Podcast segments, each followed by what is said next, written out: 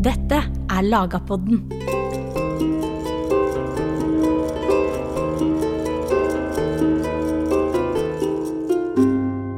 Norge, Norge, hytter og hus og ingen borge, skrev Bjørnstjerne Bjørnson i et dikt. Helt korrekt er ikke dette, for det fantes kongelige borganlegg i norske byer, og noen aristokrater bygde seg mindre steinborger på slutten av 1200-tallet. Men dette var likevel ingenting i forhold til det en fant ellers i Europa, og sjøl i våre naboland, Sverige og Danmark, der aristokrater bygde steinborger som gjorde tjenester som forsvarsverk og administrative sentrum på deres jordgods. Denne mangelen på visuelt uttrykk for aristokratiets makt har gjerne ledet til at en overser aristokratiets rolle i norsk mellomalderhistorie. Men hvem utgjorde det norske aristokratiet i mellomalderen? Hva var deres økonomiske fundament, og hva kontakt hadde de med standsfeller i de andre nordiske landene? Og ikke minst, hva rettslig og politisk rolle spilte aristokratiet i Norge i mellomalderen? Med oss til å snakke om dette har vi professor Erik Oppsal fra NTNU. Du hører på Lagerpodden, en podkast av Nasjonalbiblioteket. Mitt navn er Jørn Øyrehagen Sunde.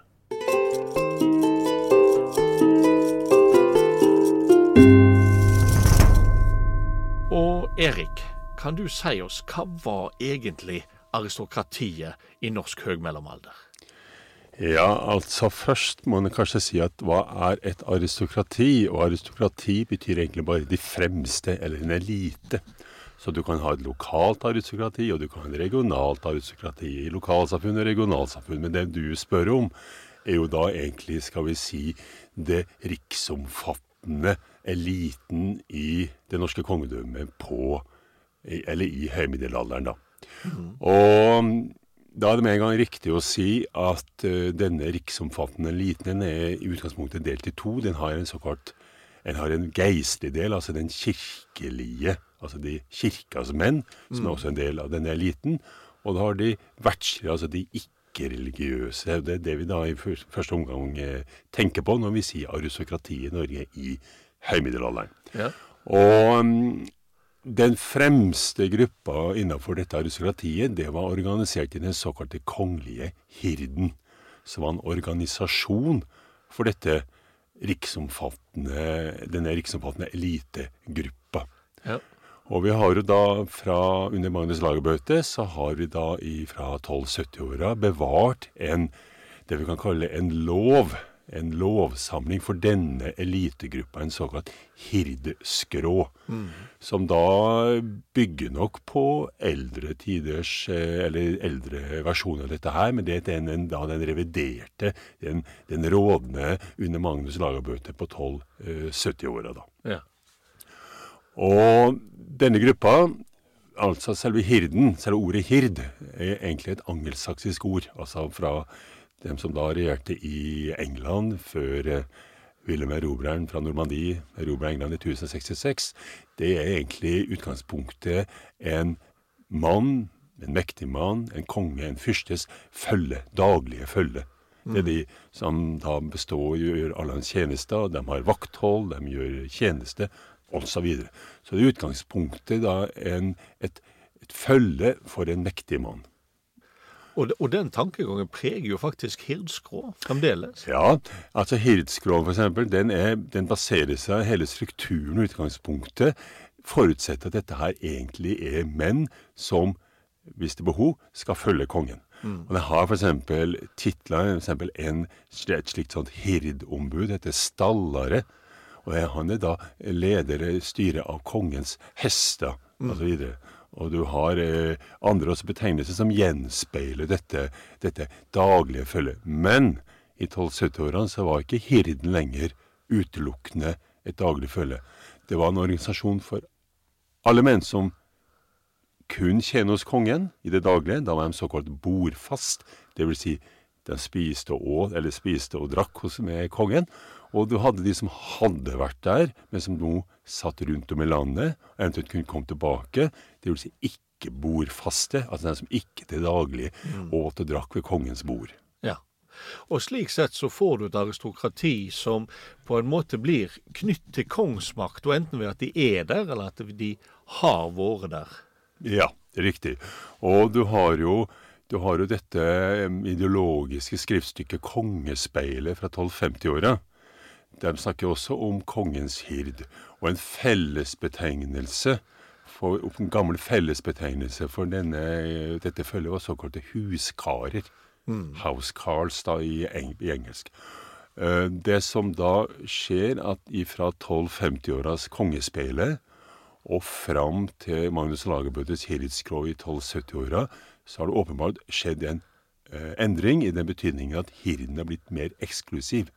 Fordi i kongespeilet 1250-åra er såkalt de som er daglige tjenere i kongens gård, de er en del av hirden. Mm. I 1270-åra er de ikke lenger det.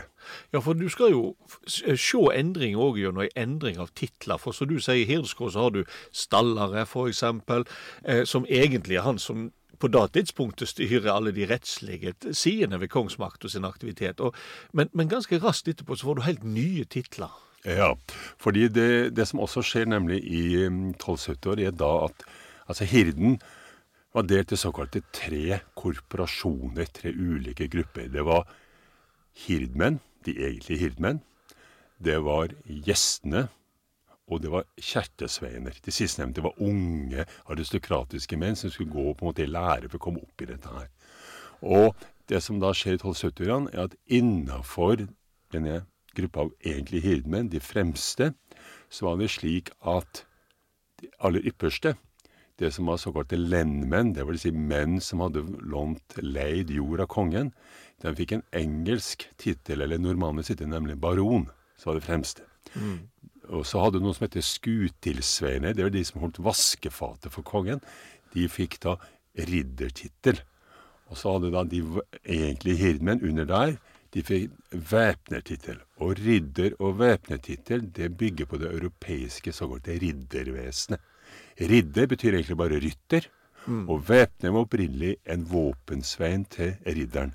Men på ja. dette tidspunktet er dette ærestitler.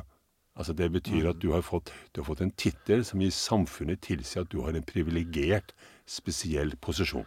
Riddere fikk lov til å titulere seg herr, og deres ektefeller var frue.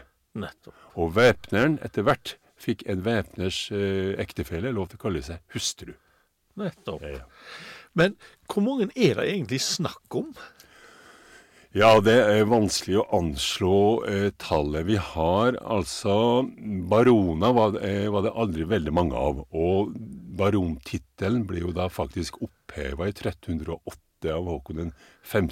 Mm. Altså de som hadde tittelen, skulle få lov til å beholde den, men i framtida skulle ikke utnevnes noen baroner. Det har noe med den skal vi si, politiske situasjonen. Men vi har altså en, en våpen, eller en fredsavtale med Danmark fra 1309. Og fra norsk side da så er det selvfølgelig kongen, og med kongen så er følgende det biskoper med å garantere avtalen. Det er tre norske baroner. Det er 16 norske riddere, og det er 10 norske væpnere. Og så står det at i tillegg skal 240 riddere og væpnere et eget garantibrev for denne avtalen. Om det er nøyaktig tall, det er vanskelig å si. Mange har ment at dette var altfor høyt, men det kan anslå i hvert fall at på begynnelsen av 1300-tallet så kan det ha vært et sted mellom 300 og 500 såkalte aristokratiske familier. Ikke slekter, men familier. Ja. Og en regner at ca. 1,5 tjenesteytende voksen person representerer én familie. Nettopp. Men nå har vi fremdeles bare snakket om den verdslige delen av det norske aristokratiet. Og det er en litt sånn framand tanke, men det, i den kirkelige delen av eh, Jo, de hadde jo sitt eget aristokrati. Det var de nødde til, for ellers kunne du ikke styre samfunnet. Så, så hvem var deres aristokrati? Nei, det er riktig. Og eh, du kan jo si at den, den geistlige, kirkelige aristokratiet er jo da hele denne kirkelige organisasjonen med erkebiskopen på toppen. Mm. Og Der hadde du da biskopen, og det hadde altså eh, proster innenfor eh, den kongelige kapellgeistlederen, som var en egen kirkelig organisasjon underlagt kongen. Og du hadde de fremste abbedene innenfor eh, klostervesenet. Alle disse her hadde også særprivilegier, rettigheter til å ha tjenesteytende menn, og til dels skattefrihet. Og, men innenfor det kirkelige eh, aristokratiet ble gjennomgående rekruttert fra samme gruppe som det verdslige, det mm. ikke-geistlige. Mm. For det var nemlig i all europeisk aristokrati i middelalderen så var det to utfordringer. Det ene var å skaffe seg skal vi si, etterkommere som overlevde foreldre. Og det andre var å bevare et eksistensgrunnlag for disse etterkommerne. Mm. Og gods, altså jordeiendom, var det viktigste. Og da var det slik at det gjaldt at én etterkommer skulle beholde mest mulig av godset. Og hva gjorde han da med øvrige eventuelt eh, sønner og døtre? Jo, sønner kunne f.eks. gå inn i kirka, gjøre en geistlig karriere. Og døtre kunne giftes bort til andre verdslige menn, og dermed også få et underhold.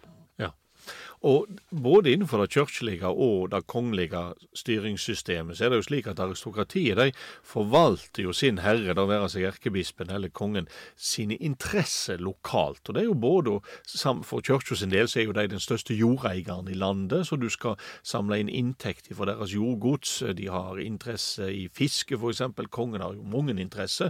Det er jo både skattyting, det er interesse knyttet til rettsvesen osv.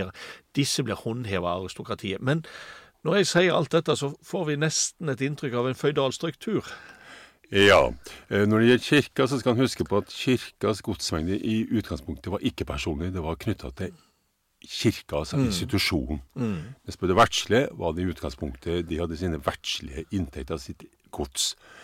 Poenget var at eh, disse hirdmedlemmene fra slutten av 1200-tallet og framover den ble også kalt for kongens håndgangne menn. Og det var en betegnelse som gikk tilbake til den seremonien som de gjennomgikk når de ble hirdmedlemmer. For det de gjorde, det var at de fulgte da en felleseuropeisk seremoni for det som heter såkalt vassalitet. Det vil si at det ble inngått en avtale mellom en mektig mann og en da mindre, som da var vasallen, skulle gå i tjeneste under den mektige mannen og da gjennomgikk f.eks. en seremoni hvor den herren tok eh, vasallens hender mellom sine, og de lovte hverandre troskap og lojalitet. Eh, vasallen skulle tjene eh, herren, forsvare hans interesser i ett og alt, og til gjengjeld skulle hun få herrens beskyttelse og underhold. Og Poenget da var at eh, disse hirdmellene, som da var kongens vasaller, det var for at skulle da kongen skulle oppfylle sitt underholdsplikt, så ga han sine vasaller forskjellige kongelige ombud rundt om i landet for en periode. F.eks. det fremste ombuds, eh, ombudet i det kongelige forvaltningsapparatet i slutten av høymiddelalderen var jo den såkalte syslemann.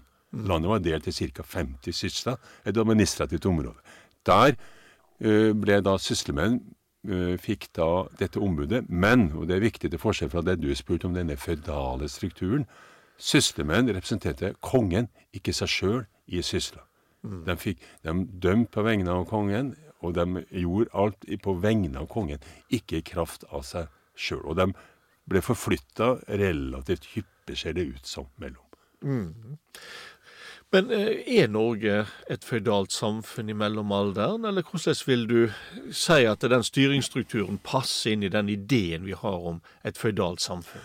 Eh, nå er ordet føydalisme og føydalt samfunn veldig komplisert og veldig omstridt. Det har vært mange definisjoner på hva føydalisme er for noe. og Da må vi da, da skille mellom det du sier, et føydalt samfunn, og eventuelt føydalisme og føydale strukturer med et snevert forstand.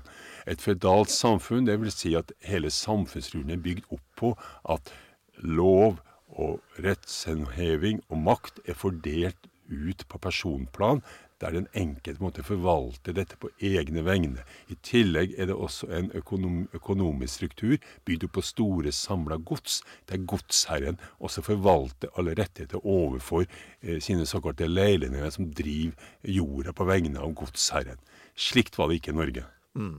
Det som var i Norge, var at du hadde denne fødale strukturen mellom kongen og hans håndgangende menn. Mm. Der hadde du en såkalt fødal struktur i de personlige forbindelse mellom kongen og hans eh, hirdmenn. Og ja. I tillegg så kunne da de fremste innenfor hirdmedlemmet ha sine egne menn, mm. såkalte undervasaller, som hadde avlagt ed for denne stormannen, og som igjen da gjennom i kraft av denne avtalen med denne stormannen også hadde plikt overfor kongen. Da, på en måte, Der hadde du en form for personlig fødal pyramide nedover. da. Det hadde du. Men det var ikke, det, Norge var ikke noe fedalt samfunn i Heimevernet.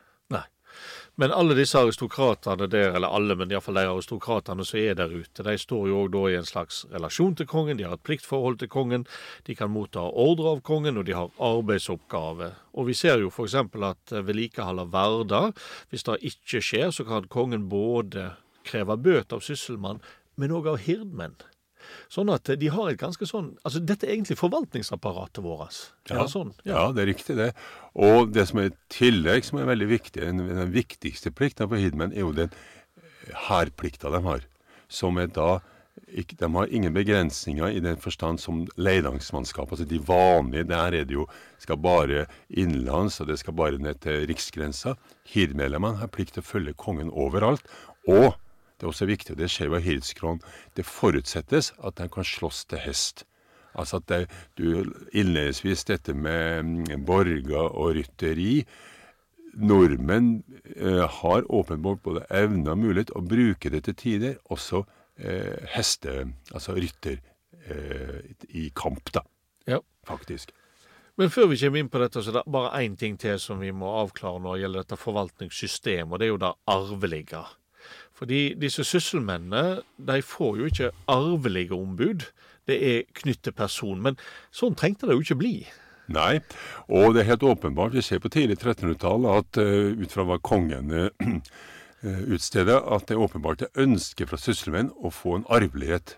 Ja. Og kongen åpner for muligheten av at dette kan, hvis en skikker seg vel, osv., osv. Ja. Kongen, unnskyld, kongen åpner også for at nye hirdmedlemmer kan komme hvis de har et godt skussmål fra sitt lokalsamfunn og bli tatt opp i hirden, men da skal hirdens medlemmer ha et ord med i laget. Men så har vi da en, en dom fra 1340-åra der et uh, utvalg av landets fremste menn, såkalt, uh, som medlem av det riksrådet, altså datidas regjering, de dømmer i en sak der den daværende kongens fettere påstår at de har foldt det dvs. Si omtrent dagens Østfold, til evig, altså i forlening av mm. Håkon 5. Og da sier dette riksrådsutvalget i dommen at nei, en norsk konge kan ikke forlene, altså tildele et område av Norge utover sin egen levetid. Ja. Altså Arvelighet utover kongens regjeringstid eksisterer ikke, ifølge denne dommen.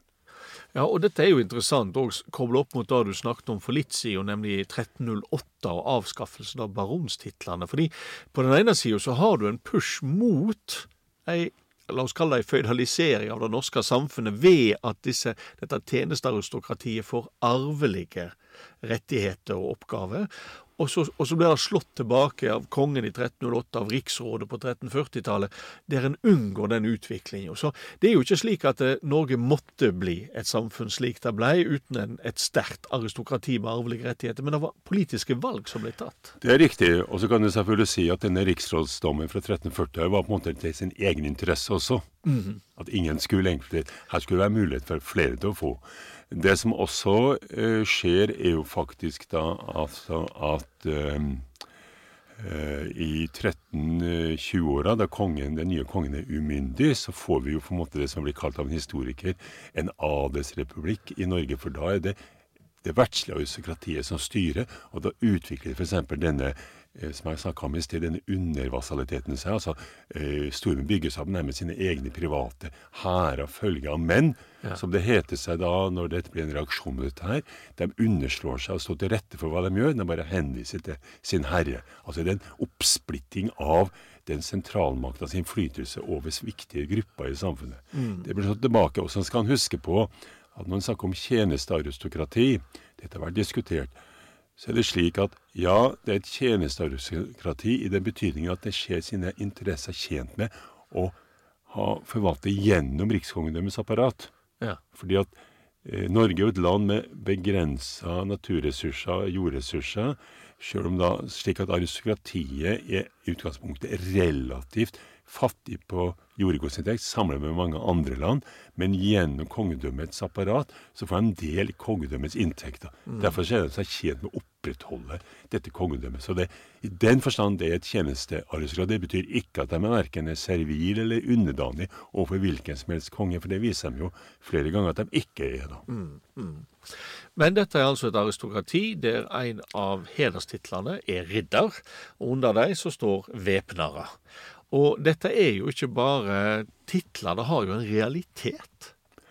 Ja, altså det har jo en realitet i betydningen. Som sagt, opprinnelig så har dette knytta til hele skal vi si, ryttertjenesten på kontinentet. Det som nå da etter hvert eh, blir utover på 1300-tallet, når hirdorganisasjonen forsvinner. Ja. Den forsvinner sannsynligvis av eh, mange grunner. Den er skal man si, allerede 1270-årene egentlig eh, forelda. Da blir det slik at det, kriteriet for å være en del av dette vertsaristokratiet, det er å bli kongens vasall. Og da er det slik at utgangspunktet, hvis du er kongens vasall, så får du utgangspunktet da en væpnertittel. Det betyr at du altså har, du har en tittel som tilsier samfunnet. Alle vet 'Å ja, du er en del av denne privilegerte gruppa'. Så er det slik at utover i, på 1300- og 1400-tallet så ble riddertittel gjerne tildelt eksempel under felttog eller ved eh, kroning. Ved spesielle seremonier kunne en bli slått til ridder, altså en rykke opp, da. Men en skal huske på det at ennå på 1300-tallet, f.eks. i Sverige Bo Jonsson, Sveriges desidert mektigste, rikeste mann, han var forble væpner resten av livet. Akkurat. I Norge har vi Erlend Filippesson av Losna, en av de mest framtredende norske stormenn i andre halvdel av 1300-tallet. Han står det i islandske kanaler avslo å bli slått til ridder. Jaha. Og vi har samme fenomen i England også, at folk avslår å bli slått til ridder fordi ja, Det kan være flere grunner, men én grunn er at en ridder forventa å ha enda mer våpenutstyr, hærutstyr, enn en væpner. Det var ganske enkelt kostbart. Ja, ja, ja. At, men ridder og væpner blir da den eksklusive, skal vi si, gruppa som har titler i tillegg til et privilegium. Ja. Etter hvert utover i 1300-1400-tallet så får du også et sjikt, en gruppe under deg, som ikke nødvendigvis har De har ikke tittel, men de har våpenseil. De har seil som en indikator, en pekepinn på at du er en privilegert. Mm. Disse har stort sett eh, opprettholdt sin posisjon i en gråsone mellom toppgruppa og resten av befolkningen ved at de er i tjeneste hos dette topparistokratiet, såkalt klientaristokrati. Mm. Og Det som er viktig, er jo at eh, vi ser av gravsteiner f.eks. at eh, enkelte personer er portrettert i full ridderutstyr. Vi har testament der folk disponerer over slikt ridderutstyr. Det ble holdne ridderturneringer i Norge. Sånn at eh, i, på, på 1300-tallet f.eks., så iallfall i en by, så har du sitt riddere i full utrustning ja, i jevne mellomrom. Det har du, og den, derfor så mener jeg du har på 1300-tallet så har du som du sier, du har noen få testament. Og du har et veldig interessant in, in, eh, testament fra 1400 av Jon Martinsson på Sørum på Romerike. Han er åpenbart Han har forskjellige rustninger der. Han har stridsrustning, og han har turneringsrustning. Nettopp. Og han har flere typer hester. For en hest er ikke bare en hest. Du har en stridshest, og du har en forflytningshest. Alt dette har det norske aristokratiet hatt på 1300-tallet. Og når det gjelder det vi snakker om borger, så skal en huske på at verken i Danmark og heller ikke i Sverige så var alle borgene mektige, store steinborger. Tvert imot, de var til dels provisorisk, til dels en blanding av tømmer og eh, mur, grunnmur. Ja, ja. Og noe sånt antall har også vært i det norske aristokratiet. Slik at symbolsk eh, byggeskikk har også eksistert rundt om i det norske landskapet, men ikke nødvendigvis fullstenborg, men det kan være store tømmeranlegg. For eksempel som vi ser på Aga i Hardanger, ja. der nå mener jeg kan rekonstruere, har vært et mektig eh, anlegg med steinmur i bunnen, og som er stor tømmerpåving over, som har pranga i det lokalsamfunnet her. Ja, ja. Og noen bygde jo steinborger. En er jo en stallare. Altså hvis vi går tilbake til disse gamle titlene. Audun Hugleiksson som bygde seg ei steinborg ved, ved Jølstravatnet. Men, men da er vel ganske unikt. Vi kjenner et par slike aristokratiske steinborger. Ja. Eh, problemet, etter problemet der er likevel det riktige, det er at vi veit om eh, at det har eksistert andre også, men det har nesten ikke vært undersøkt. Nettopp. Det har vært lite interesse for dette her. Ja. Vi har F.eks. på Giske på Sunnmøre har vi funnet grunnplater for et stort stein. Der var det jo en, en mektighet. Ja. Giskeæta. Eh, og slike ting. Men det har vært veldig lite eh, undersøkt. Også i tillegg til det så har vi Vi har ikke en aristokratisk kontinuitet i norsk historie.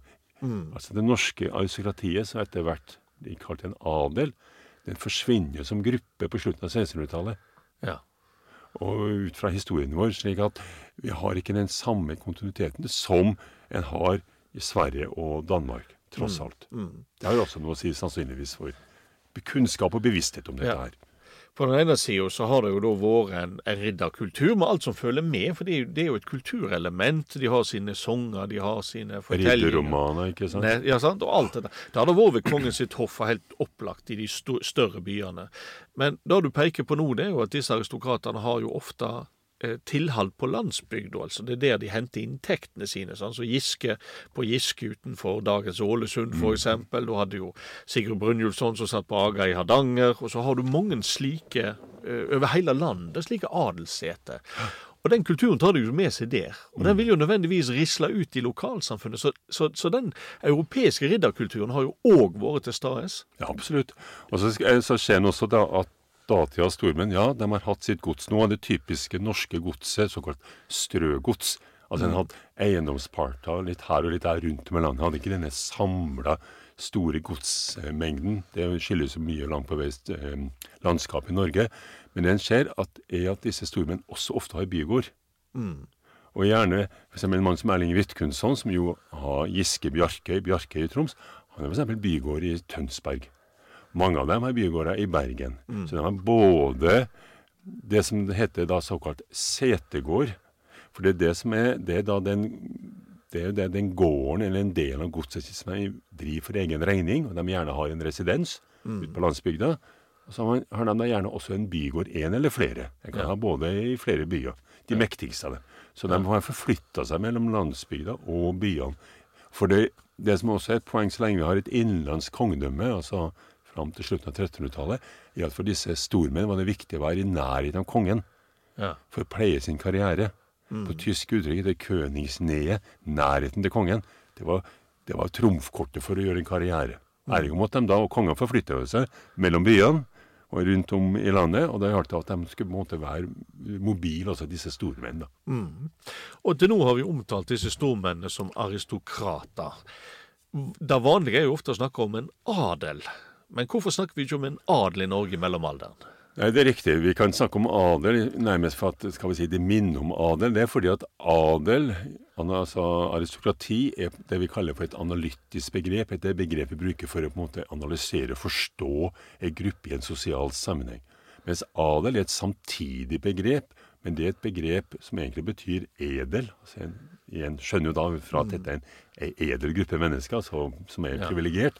Og det er et ord som kommer fra tysk, og det dukker opp først i Norden, og faktisk først i norsk sammenheng, i 1513, altså tidlig 1500-tall. Ja. Og da er det slik at adelen er i streng betydning, det er da en, en gruppe som har en juridisk avtale om, fra kongen om at de har en privilegert posisjon. Og i Norge skjer faktisk ikke det før i 1582. Da får vi rent teknisk rettslig en adel i Norge, fordi kong Fredrik 2. gir den norske adelen et privilegiebrev til gjengjeld for at de lover at de skal velge Kristian 4. som konge. Men adelen som satt som begrep, det dukker opp på 1500-tallet. Og når vi kommer til 1582, så har vi jo en eh, norsk adel, kanskje i en ca. 50 år, og etter da så er den nesten borte. Ikke helt borte, men veldig redusert. Eh, Hvordan går det med det norske aristokrati i senmellomalderen og tidlig nytid? Nei, poenget, utgangspunktet, er jo da at en lærer jo på skolen ofte at uh, svartedauden i 1350 den tar bort halvparten, minst halvparten av landets befolkning, og adelen dør ut. Og det er ikke riktig. Det er en, det er en meget seigliva myte. Poenget er at det norske aristokratiet, eller adelen, alt ettersom hvilket ord vi skal bruke, fortsetter å utvikle seg gjennom semmelalderen. Ennå ved 1450 så regner en med at det eksisterer en ca. minst 250 familier i Norge. Og da er det alt ifra ridder via væpner eventuelt. Men så skjer det noe ut fra demografi. En adels, en regner med at en adelsfamilie, en fransk adelsfamilie i Severlanderen, har maksimal levetid på fire generasjoner.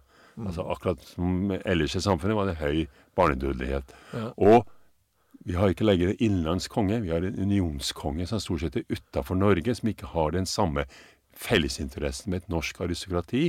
Så det blir tyngre for eh, den norske adelen å holde seg oppe og få tjeneste for å få inntekter. Ja. Og eh, I tillegg så blir en god del av inntektsgrunnlaget i Norge etter hvert over tid gjennom forskjellige mekanismer overført til menn som primært har hovedsetet sitt i Danmark. Så det svekker sitt maktgrunnlag. Ja. Og når da reformasjonen dukker opp i 1537, eller det skjer da, og Norge blir underlagt Danmark, så forsvinner jo funksjonen som en riksbærende elite også. Så det blir mm. mer, mye mer en regional elite. Du har, og da får du selv om den norske adel fungerte mer som gruppe enn en vanlig vil tro på 15- og tidlig 1600-tall, så over tid så går samfunnsutviklinga mot egentlig at det er noe særlig poeng å opprettholde et norsk adelskap. En gjør bedre karriere ved å gå inn i embetsstanden mm. osv. Ja, da har vi på mange måter kommet til, til, historiens ende for det norske aristokrati fra mellomalderen i alle fall. For nå er det et nytt aristokrati som tar over, og det er nye veier til å gjøre karriere og slå seg opp i, i samfunnet. Så tusen takk til deg, Erik Oppsal, for at du kom og fortalte oss om norsk aristokrati i mellomalderen.